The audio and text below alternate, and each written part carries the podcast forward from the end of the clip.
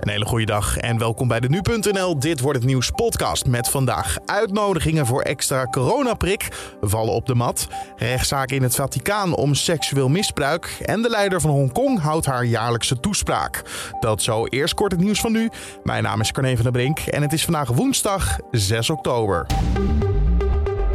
Nieuwe informateurs kunnen aan de slag. Johan Remkes en Wouter Koolmees kunnen beginnen met de formatie van een kabinet. Een ruime meerderheid van de Kamer steunde gisteravond hun aanstelling. Daarna zijn ze langsgegaan bij de voorzitter van de Tweede Kamer om een opdracht te ontvangen. Daar liet Remkes ook weten hoe hij naar zijn oude werkplek kijkt. Dat was mij wederom weer eens een keer groot genoeg om in het gebouw van de Kamer te zijn. Maar ik dacht wel bij mezelf, ik ben blij dat ik er geen lid meer van ben. Zoals te horen bij de NOS. Vandaag gaan ze direct al met de VVD, D66, CDA en ChristenUnie in gesprek. Remkes hoopt dat er zo spoedig mogelijk een kabinet op het bordes staat. Storing Facebook was een menselijke fout. Dat heeft het bedrijf gisteravond zelf bekendgemaakt. Een systeembeheerder legde per ongeluk het netwerk van Facebook plat. Daardoor lagen ook Instagram en WhatsApp eruit. Door de strenge beveiliging lukte het pas na 7 uur om de fout recht te zetten. Mensen die online een ticket kopen voor een pretpark of dierentuin zijn soms verplicht meer gegevens af te staan dan nodig is. Bij een aantal parken moet je bijvoorbeeld je postcode of telefoonnummer afgeven. Dat is onwenselijk, maar niet verboden, zo zegt de autoriteit persoonsgegevens tegen nu.nl.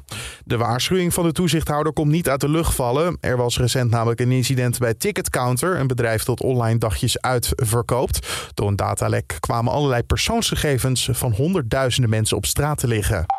Over drie weken begint in Glasgow de belangrijkste klimaattop in jaren. Daar moeten landen het eens worden over snellere verlaging van de uitstoot van broeikasgassen.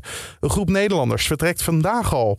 Ze willen een groot deel van de route lopen en onderweg aandacht vragen voor het klimaat. De tocht wordt georganiseerd door duurzaamheidsorganisatie Urgenda en is opgedeeld in 21 wandeletappes. De eerste etappe start bij de Eemshaven.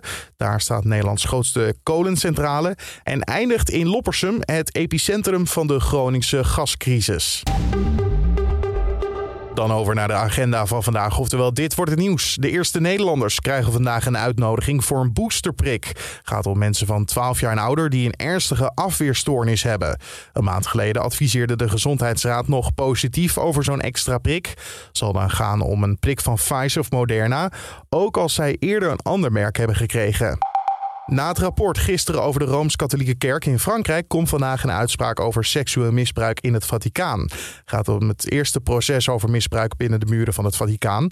Een priester wordt ervan beschuldigd een jonge medeleerling te hebben misbruikt. De priester was toen zelf 14 jaar oud, zijn slachtoffer 13 jaar. Het vermeende misbruik zou na de start nog zes jaar hebben aangehouden. Het slachtoffer deed daarna pas aangifte.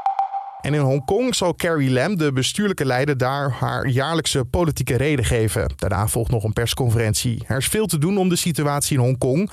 Komt door de toegenomen macht van China. Terwijl Hongkong in principe nog autonoom is.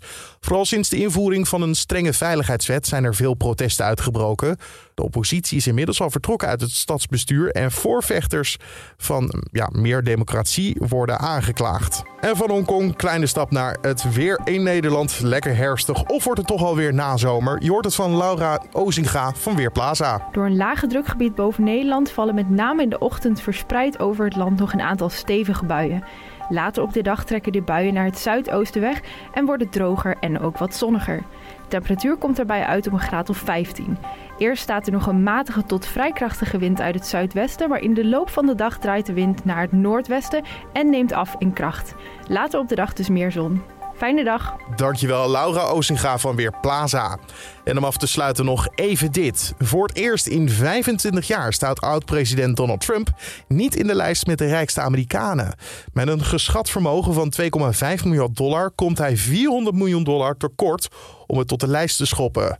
Volgens tijdschrift Forbes is Trump nog net zo rijk als een jaar geleden, maar zijn andere Amerikanen rijker geworden. Een jaar geleden stond hij nog op plaats 339 van de 400 plaatsen. Amazon-oprichter Jeff Bezos is net als een jaar eerder de rijkste Amerikaan. En tot zover deze Dit wordt het nieuws podcast voor de woensdag. Help ons deze podcast beter te maken door een recensie achter te laten bij Apple Podcast of ons te mailen naar podcast@nu.nl. Mijn naam is Carne van der Brink. Voor nu een hele mooie dag. Morgen hoor je mijn collega Julien in de ochtend, want ik ben even een lang weekend weg. Dan weet je dat alvast. Een hele mooie dag vandaag.